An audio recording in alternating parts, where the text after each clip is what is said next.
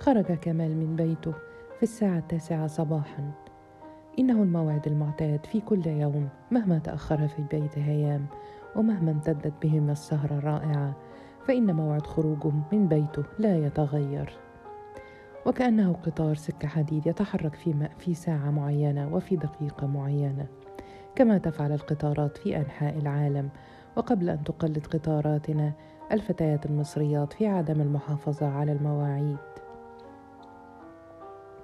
وصار على قدميه يتسكع من بيته في شارع الشيخ ريحان إلى ميدان الإسماعيلية ميدان التحرير حاليا ثم إلى شارع سليمان باشا يتطلع إلى واجهات المحلات التجارية ويتوقف أمام المكتبات ليقرأ أسماء الكتب الجديدة التي وصلت إلى القاهرة ويحملق في وجوه المارة دون أن يراهم. فإنه يكون دائما سارحا قدماه تمشيان في شارع سليمان وقلبه يمشي في شارع البارون بمصر الجديدة حيث تسكن هيام. وعقله يمشي في ميدان لازغلي حيث مكاتب الوزراء الذين يصنعون الأخبار والأحداث والأخطاء. هذه الأخطاء التي يواظبون على ارتكابها كل يوم ليتسنى له أن يهاجمها كل يوم في مقالة في جريدة أنباء الصباح.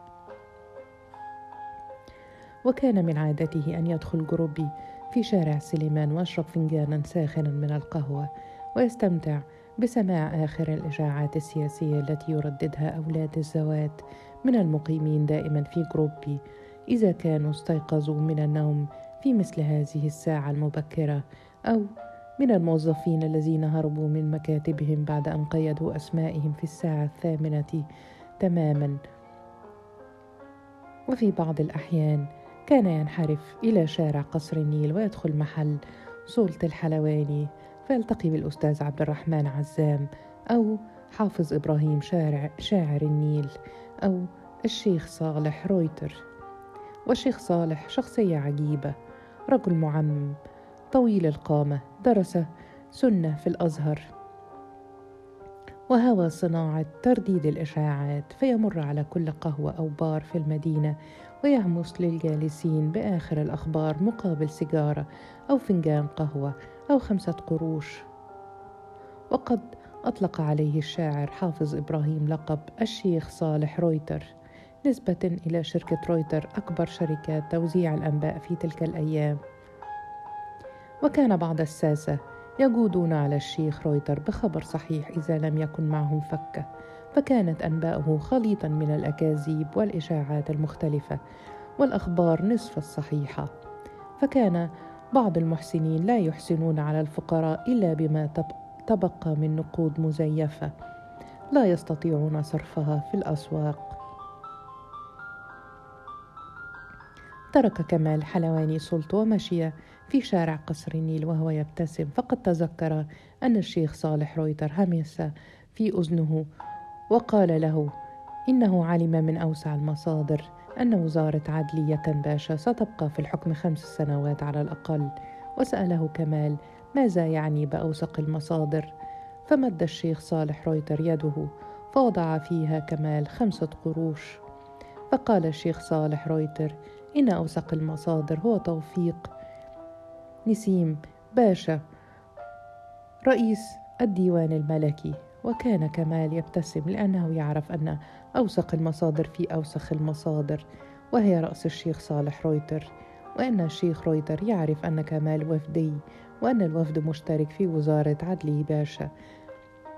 ولهذا قرر أن تعيش الوزارة خمس سنوات بواقع عشر مليمات عن كل سنة تمضيها في الحكم. ولو أن كمال كان من خصوم الوزارة أو من أنصار حزب الاتحاد لقال له إن الوزارة ستستقيل بعد خمس دقائق.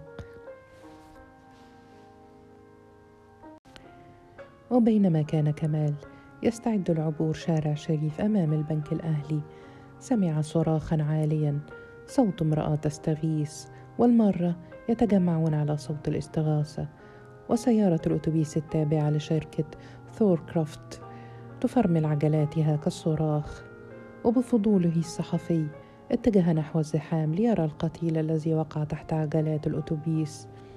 ولكن الزحام كان يقف سدا بينه وبين رؤية القتيل. وسأل الرجل الذي يقف أمامه ماذا حدث؟ وقد رأى سيدة تلطم وجهها وتبكي بكاء مرا. فضحك الرجل وقال لكمال الجنازة حارة والميت كلب. إنه كلب. من أجل كلب تتوقف السيارات ويتعطل المرور ونتأخر عن الذهاب إلى أعمالنا.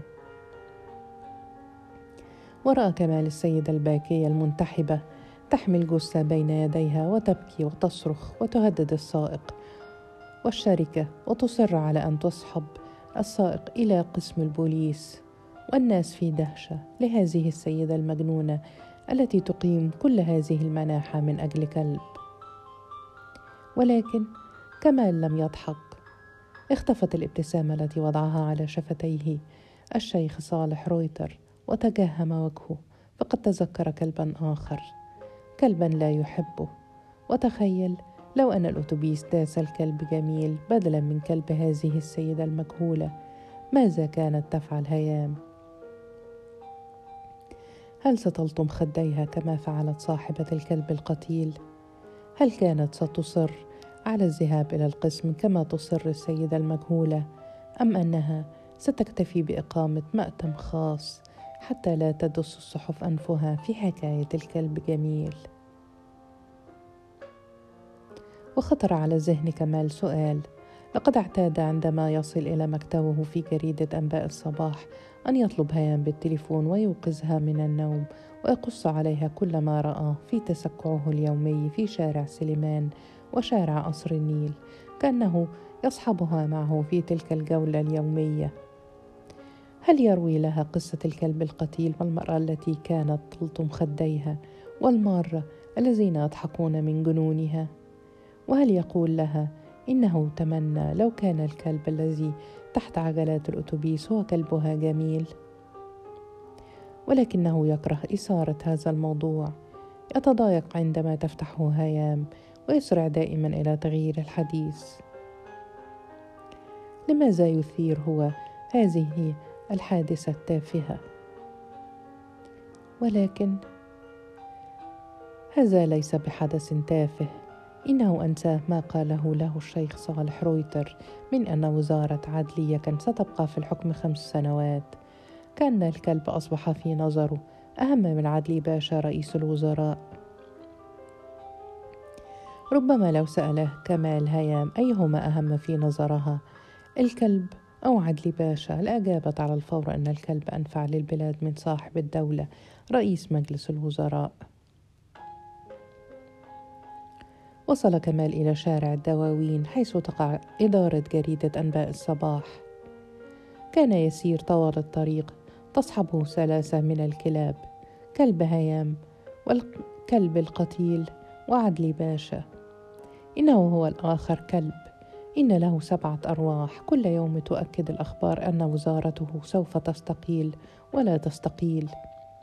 الوفديون لا يحبونه. لأن الإنجليز أرسلوا بارجة إنجليزية تهدد بضرب الإسكندرية إذا أصر سعد زغلول على أن يؤلف الوزارة.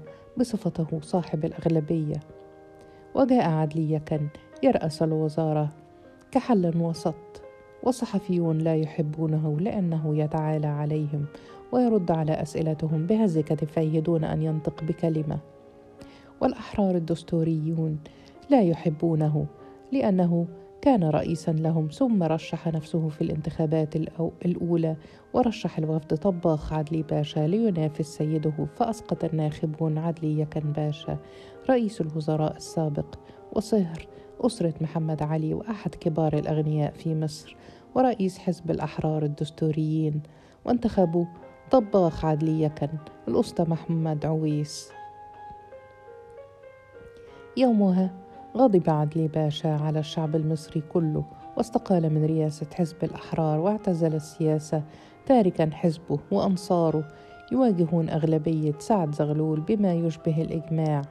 وبقي عدلي كان معتزلا السياسة إلى أن تولى وزارة الائتلاف بين الوفديين والأحرار الدستوريين باعتباره مستقلا عن الأحزاب. وكان من رأي كمال أن يرفض الوفد أن يشترك في وزارة برئاسة مستقل وأن من حق الحزب صاحب الأغلبية أن يؤلف الوزارة. وصعد كمال إلى مكتبه في الدور الثاني بدور الجريدة وصعد معه شبح الكلاب الثلاثة.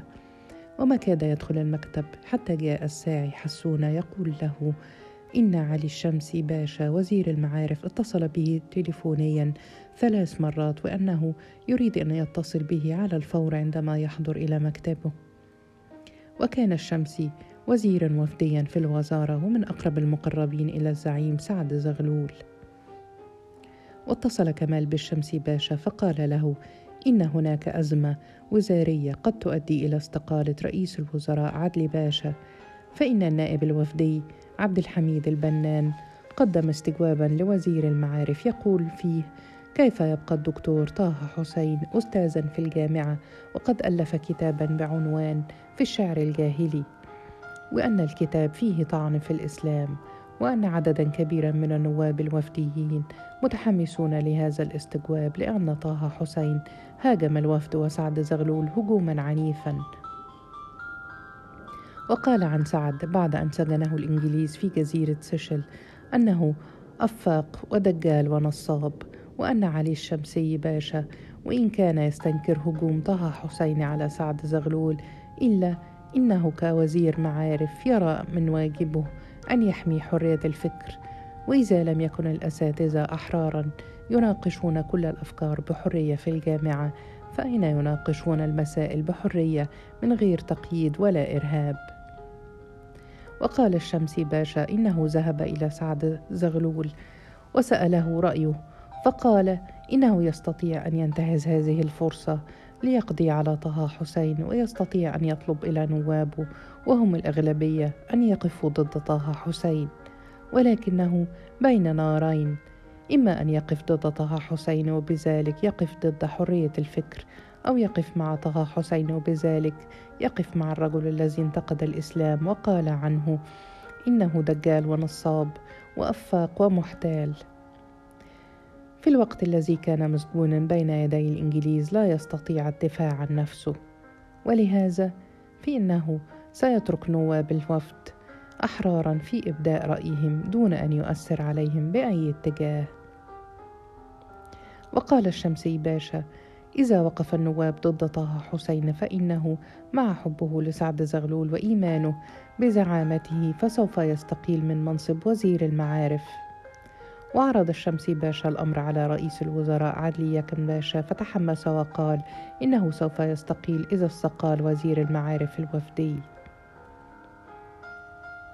أحس كمال لأول مرة في حياته أنه بدأ يحب الكلب عدلي يكن لأنه وقف هذا الموقف المشرد انتصارا لقضية حرية الرأي. لقد كان يتمنى منذ دقائق سقوطه ولكنه الآن يريد أن يؤيده ليبقى.